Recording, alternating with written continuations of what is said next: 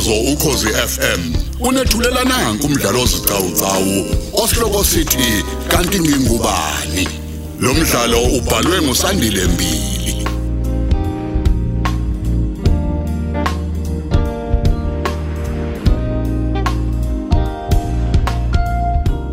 Nasi isiqephu samashumi amabili nesishiyagalombili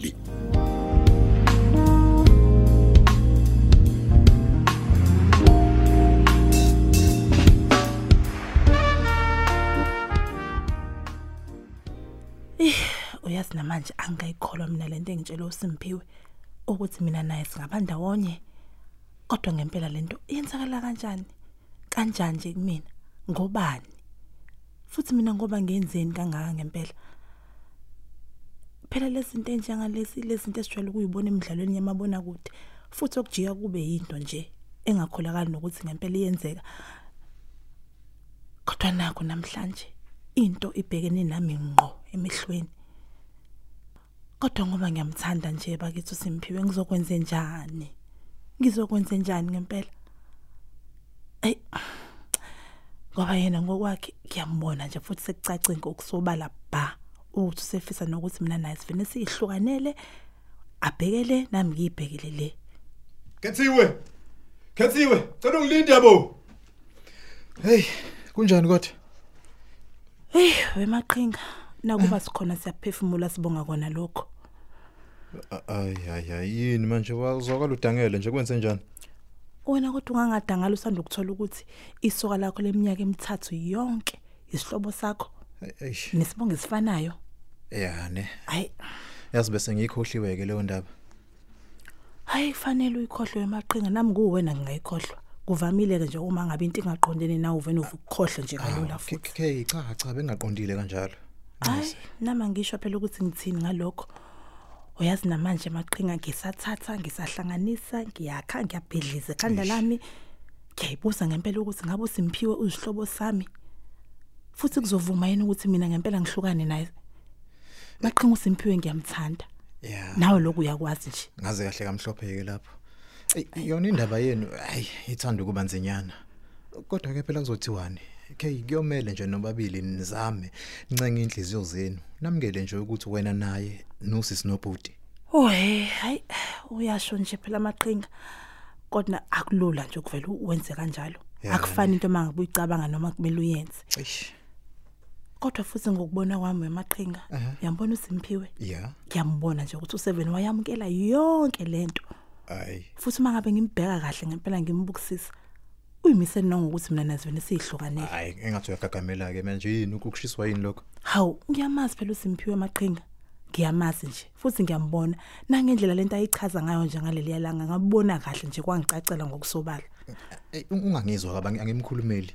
Kodwa ke ubuye ukhumbule nawe phela ukuthi uSimphiwe usuka kude kangakanani nalolu hambo lokufuna ubaba wakhe wangempela. Kwabuye kwazonezezeleka ke nokuthi nomama lo abecabanga ukuthi uma wakhe akusiyo. Manje ke konke lokho nje kumenze walangazelela ukuthi abazi bobathathu labantu. Ang- Angimkhulumeli njalo. Ay. Waze kwanzima. Ngiyakuzwa amaqhinga futhi nangendlela ochaza ngayo ngiyabonga. Ngiyayizwa yona. Aha.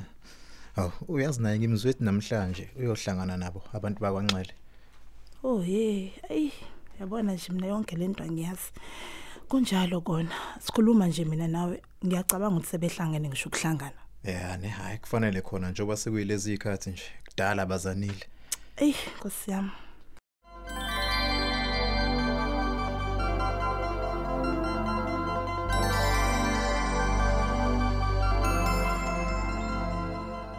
Eh eh waze wajabula ubaba wema. Umzwile kahle. Eseqeda ukukhuluma noSimphi ukuthi bejabule kanjani kodwa. Yebo, ngimzwile ngani yami ngimzwile. Into esiseleke manje iyona ke le ndaba leyo libofuzo. Ebekade beyisho ukuthi sekumele yenziwe yabo. Ey. Ay. Kodwa mina nje angisiboni isidingo solibofuzo ngoba ngiyambona nje uSimphiwe lo ukuthi ingane yami. Manje pho ulibofuzo lololwani. cha phela ma lwenzelwa ukuthi nje sibe nesiqinisekiso Hayi ngoba phela niyazi nani ukuthi kuyenzeka nje abantu bafane la eminyango bafane futhi yonke into le hayi Mhm. Angizwa kahle mina le ndaba yalolu libofuzo. Mhm. Ngizocela sime kancane ngale ndaba. Aha. Ah Mxolisa ungitshele ingane yami ukhule kanjani nje kodwa wena ungixoxele nje. Khona ngisho ukuthi ngikhule kahle ma Mhm. ngoba nje ngikhuliswe abazali ababili futhi nje abebengithanda ubungeke ke nje uzubone nakancane ukuthi bobabili abangizali Mhm. Mhm. eh ngikhule nodadewethu ke ogama lakhe kwakungu Happy uHappy eh washona nje eneminyaka engu15 Awu. wadlula emhlabeni nje ngicabanga ukuthi mina ngangina 20 years ngaleso sikhathi Ah, ungani yami phephisa Nkosi yami. Ubulawa yini manje uhappy? Eh wayevela nje umuntu obuthaka Eh. eh wazalwa nje enesifo senhliziyo Oh, ungani yami mntanami. Awunxese. Hayi kodwa yazi nje ke ngibonga ubaba osezulwini nje ukuthi ukhuliswe kahle ngani yami futhi nje nami ngiyakubona. awu ma Yazi ngiyakubona. Yes. Ngingazi ukuthi nje loze lifike lolu suku usizo liyabuya mangikubona.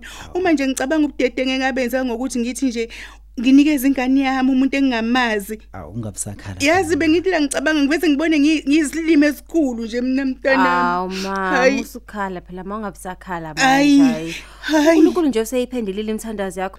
Eh ngicela ukubuza umfowethu leyo ekuthiwa bengiyiwele naye ube umuntu onjani yena sengisho ngoba phela ngibange ngisalithola ithuba lokumazi Eh simphiwe. Uxolani bekumuntu wabantu. Hayi. ethanda ukudlala ethanda ukuhleka. Eyimisele kakhulu ke nasebholeni haha ngingasho nje ukuthi hayi kuyibhola abantu bayewumpetha elishaya ibhola. Ngiyakutshela. Ushoneke futhi sefunda iziqu zakhe ke ze-masters degree kwi-journalism nje cabanga. Awu, Eh, bakithi, kanti nokunye ke ushiye nendodakazi yakhe ke neminyaka emibili. Cabanga. Mtshele phela nokuthi intombazane leyo uma wengane yakhe iyona yambulalisa. Awusamtsheli ngani lokho? ma ene ema ubusakazange enze lutho Nkosi yami. Ilesiqhwage sasimshele sagwaza uxola nhlisa umoya xola phela manje ma. Hayi. hayi cha kuzwakala impela kuyinsizwe ebizimisele kakhulu nje futhi kukho konke. Yena ke ngakutshela. uxolani ubekathini nje ngami Naye ingane yami wayengeveli langazelele lolu suku. Enethemba lokuthi ngelinye ilanga nohlangana. awu Ngaso sonke isikhathi kusukele semncane kwakuthi njalo uma efaniswe nomuntu wayezama ngakho konke ukuthi nje agcine embonile lo muntu. Uma ekwazile azashuthe naye abuye ne- ne- nesithombe azosikhombisa la ekhaya. Hayi wayekudinga bo. lapho futhi wayebuya naso isithombe Yebo cha impela kuzwakala sengathi naye ubengifuna impela kakhulu. hayi ke mina naye sihluke kakhulu nje impela ngoba? Eh, mina ngasebholeni lilutho nje ngilibone lidlalayo ngiyinkomo le yokuqala yokugcina. Kanti ke esikoleni ngagcina ka grade 12 ngake ngafeyila futhi nje kwazi kwaba kabili. Lokho kwaphoqa ukuthi isikole ngicine ngisiqede sengineminyaka e19 Oh. ngemva kwalokho ke angibange ngisakwazi ukuqhubeka nokufunda esikhungweni semfundo ephakeme ngenxa yokuthi ke umama ubengasebenzi kanti ke ubaba nje usebenza umsebenzi wobsecurity imali ayiholayo ayikho kangako. Mm. hayi cha bakwethu ngeke. Mina sengilambile ke manje. Ngicela bandle ukuthi senzeni order sidleni kade sikhuluma. Hayi, uqinisile ngani yami, uqinisile.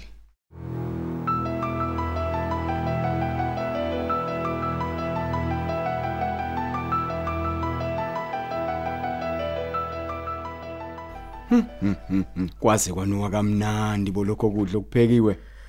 He, uyazi nje ukuthi ibhodi into zami kajeni iphunga lokudla nje engiphekayo likudonsa useza le kude. Hayi uqinisileke lapho sithando uyazi nami kungidonse ngiseza le kude sangweni ukusho nje iqiniso kuyezwakala uma ngabe kungeyena uSimphiwe ophekayo.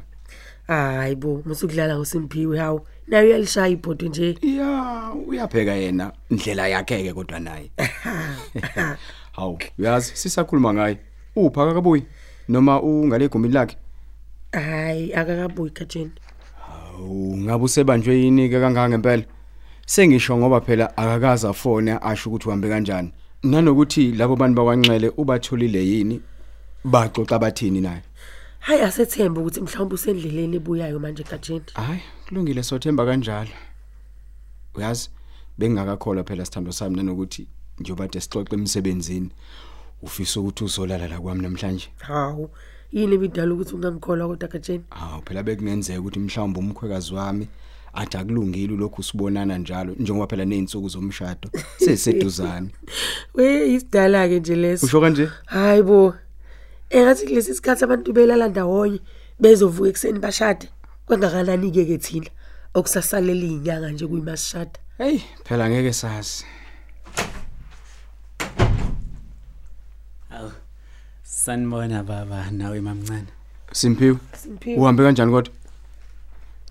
awukodwa kajeni ke nawe awusalindi nokuthi ahlale phansi usimpiwe kuyima umlandisa ke ngendaba Hayibo, hayibo, hayibo ngimagange kabi nje ngifuna ukuza ukuthi kuhambe kanjani.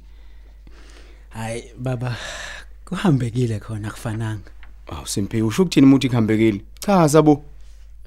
Uyazi baba baqinisile impela mebethi kulomhlaba.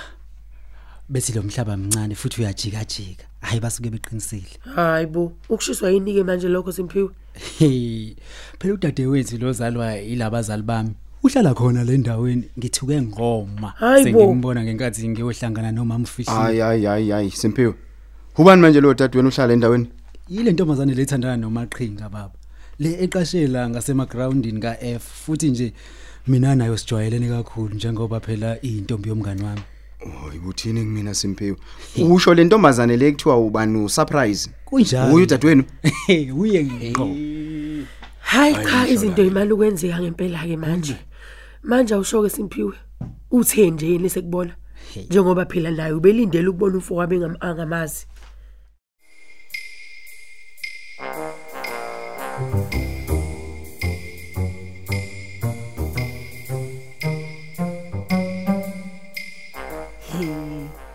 Uyazi namanje angayikholwa mina mali into ukuthi uSimphiwe umfowethu. Hayi mina njengani yami ngijabulela ukuthi nje kugcineni uThixo nje useze wayiphendula imithandazo yami. Ngokuthi nje ngiphinde ngihlangane nengane yami isaphila. Hayi cha ngempela ma uNkulunkulu khona futhi hayi yazenza imanga sheni. Yeyibo. Azi baqinisile abathi uNkulunkulu usebenza emfihlakaleni. Kunjalo ngani yami. Usebenza imfihlakalo la kungazi khona umuntu. Hayi mina kwadazi ngiqale ngangakholwa nje kahle. Yini? Kodwa ngize ngakholwa nakho phela sekhipha nasi isithombe sikama wakhe. Ngeza nawe kusufakaza ukuthi hayi boy ngempela iyona le ntombazana owayinika ingane wathi kuphathele yona yayintshontshe. Hey, Hayi ngathuka ke lapho. Uyabona le ntombazane? Uyabona ubuso bale ntombazane abuzange ebusuku engqondweni yami. Ngikutshele nje ukuthi nje ngangize ngiyiphuphe kube sengathi iyayibuyisa ingane yami izonginika yona bese iyaxolisa. Ngangithi nje manje ngiphuphele lo phupho kube nje nethemba lokuthi mhlawumbe ngempela ngelinye ilanga ngiyoyibuyisa ingane yami. He nkosi yami wema. Kanti wazi wena ukuthi intombazane yathi ifika yabisishona. Hey, we surprise. Uyazi futhi uma sengihlaziya kahle leli phupho mntanami. Eh, kusho ukuthi le ntombazana udeliwe. Wayefuna ngempela ukuyibuyisa ingane yami. Kodwa engesenakwazi ngenxa yokuthi wayeseshonile. Hayi ngempela yazi kuyacaca ma. Sesibonga yena ku Sister Mkhonza lo kanye no no Sister zonke abakwazile ukuthi bayiveze le ndaba yokushona kwengane kaDeliwe. Hey ushuluphinde wema. Nanokuthi phela usister Mkhonzo loyo wayemazi ugogo kaSimphiwe uMasithole.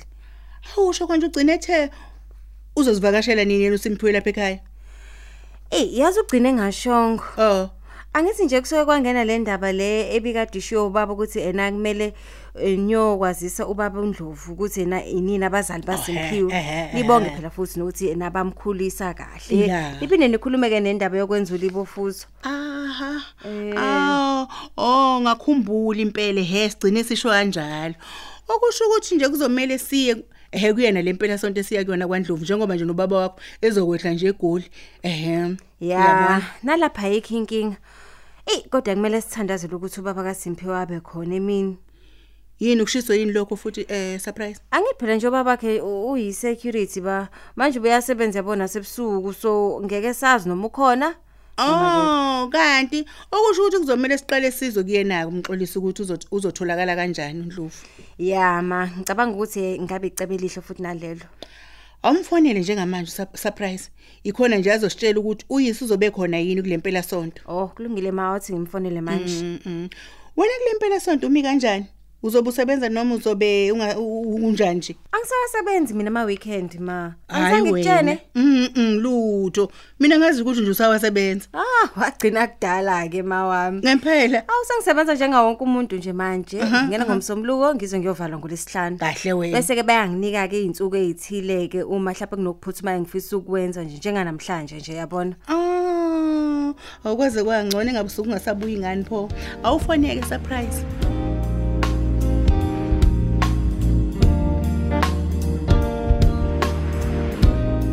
Asisibambe lapha isiqephu sethu sanamhlanje esithi kanti ngingubani? Osithulelwa ukhozi FM